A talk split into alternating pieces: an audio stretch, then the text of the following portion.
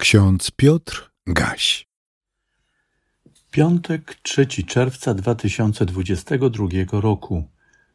W Psalmie 50, w 23 wersecie czytamy: Kto ofiaruje dziękczynienie, czci mnie, a temu, kto nienagannie postępuje, ukaże zbawienie Boże. W liście do Kolosan, w drugim rozdziale, w siódmym wersecie czytamy: Bądźcie wkorzenieni w Chrystusie i zbudowani na Nim i utwierdzeni w wierze, jak was nauczono, składając nieustannie dziękczynienie. Świat jest różnorodny.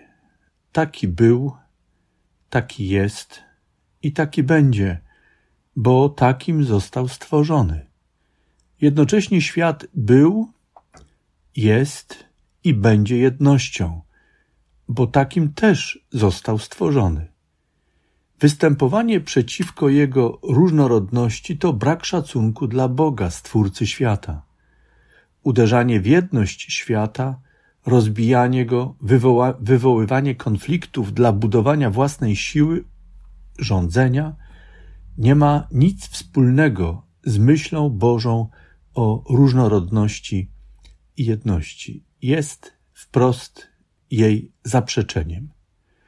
Myśl Bożą o różnorodności i jedności rozpoznajemy w Bożym przekazie bez słów, najpierw rozpoznawanym w całym stworzeniu, następnie uczymy się ją odczytywać w słowach odnajdywanych w natchnionych pismach. A kiedy wypełnił się czas, Bóg przemówił przez Syna swego. Bóg w Synu swoim, Jezusie Chrystusie, uniżył samego siebie i w ludzkim ciele stał się jednym, doskonałym i wystarczającym kryterium właściwie rozumianej różnorodności i jedności. Tę myśl o różnorodności i jedności wyraził apostoł Paweł, kiedy porównał Kościół do ciała Chrystusa, w którym Chrystus jest głową Kościoła, a my członkami Jego ciała. Jako członkowie jesteśmy różni, tak jak w ciele są różne członki, a jednocześnie pozostajemy częścią jednego ciała i jednością poprzez pozostawanie w łączności z głową ciała, czyli Jezusem Chrystusem, odwołując się do tego obrazu apostoła Pawła. W Jezusie Chrystusie, w Jego służbie Bóg darował światu wszystko, czego potrzebujemy, aby powrócić do właściwej różnorodności i jedności w stworzeniu, któremu to Bóg chce błogosławić. Apostoł pański Paweł napisał do zboru Filipi, a to mówię, aby was nikt nie zwodził rzekomo słusznymi wywodami, bo chociaż ciałem jestem nieobecny, to jednak duchem jestem z wami i raduję się, widząc, że jest u was ład i że wiara wasza w Chrystusa jest utwierdzona. Jak więc przyjęliście Chrystusa Jezusa, Pana, tak w Nim chodźcie, wkorzenieni weń i zbudowani na Nim i utwierdzeni w wierze, jak was nauczono, składając nieustannie dziękczynienie. Baczcie, aby was kto nie sprowadził na manowce.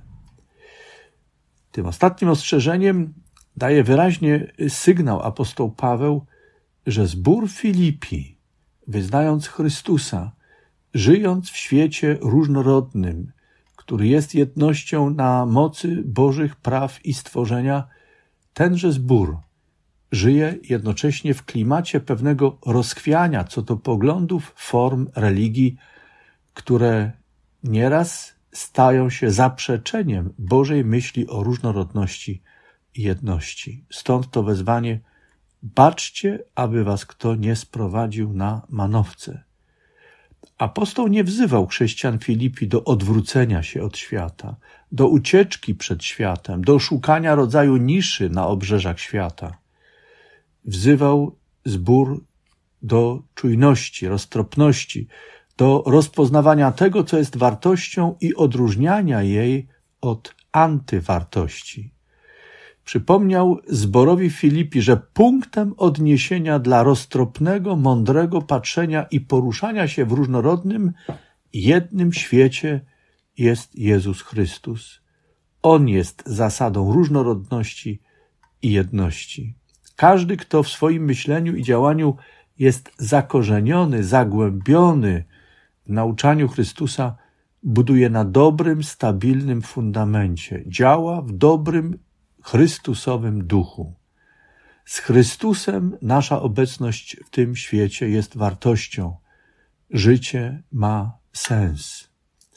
Dzisiejsze hasło ze Starego Testamentu zachęca nas do wdzięczności, do radosnego dziękczynienia Bogu, do życia dla Boga nie w formalizmie religijnym, ale do życia, które jest okazywaniem nieustannym Bogu wdzięczności za Jego łaski i cud stworzenia w całej Jego różnorodności i jedności. We wdzięczności wyrażamy nas, nasz zachwyt i radość z daru życia w Bożym świecie. Bóg niczego od nas nie potrzebuje, a gdybyśmy coś chcieli dać Bogu, to zawsze będziemy sięgali po to, co i tak jest Boże. Niczego przecież nie wnosimy do tego świata, co wcześniej nie byłoby stworzone przez Pana. Co w takim razie możemy Bogu dać? Jak możemy Bogu sprawić radość? Czy jest coś takiego? Jaka postawa człowieka jest godna i właściwa wobec Boga?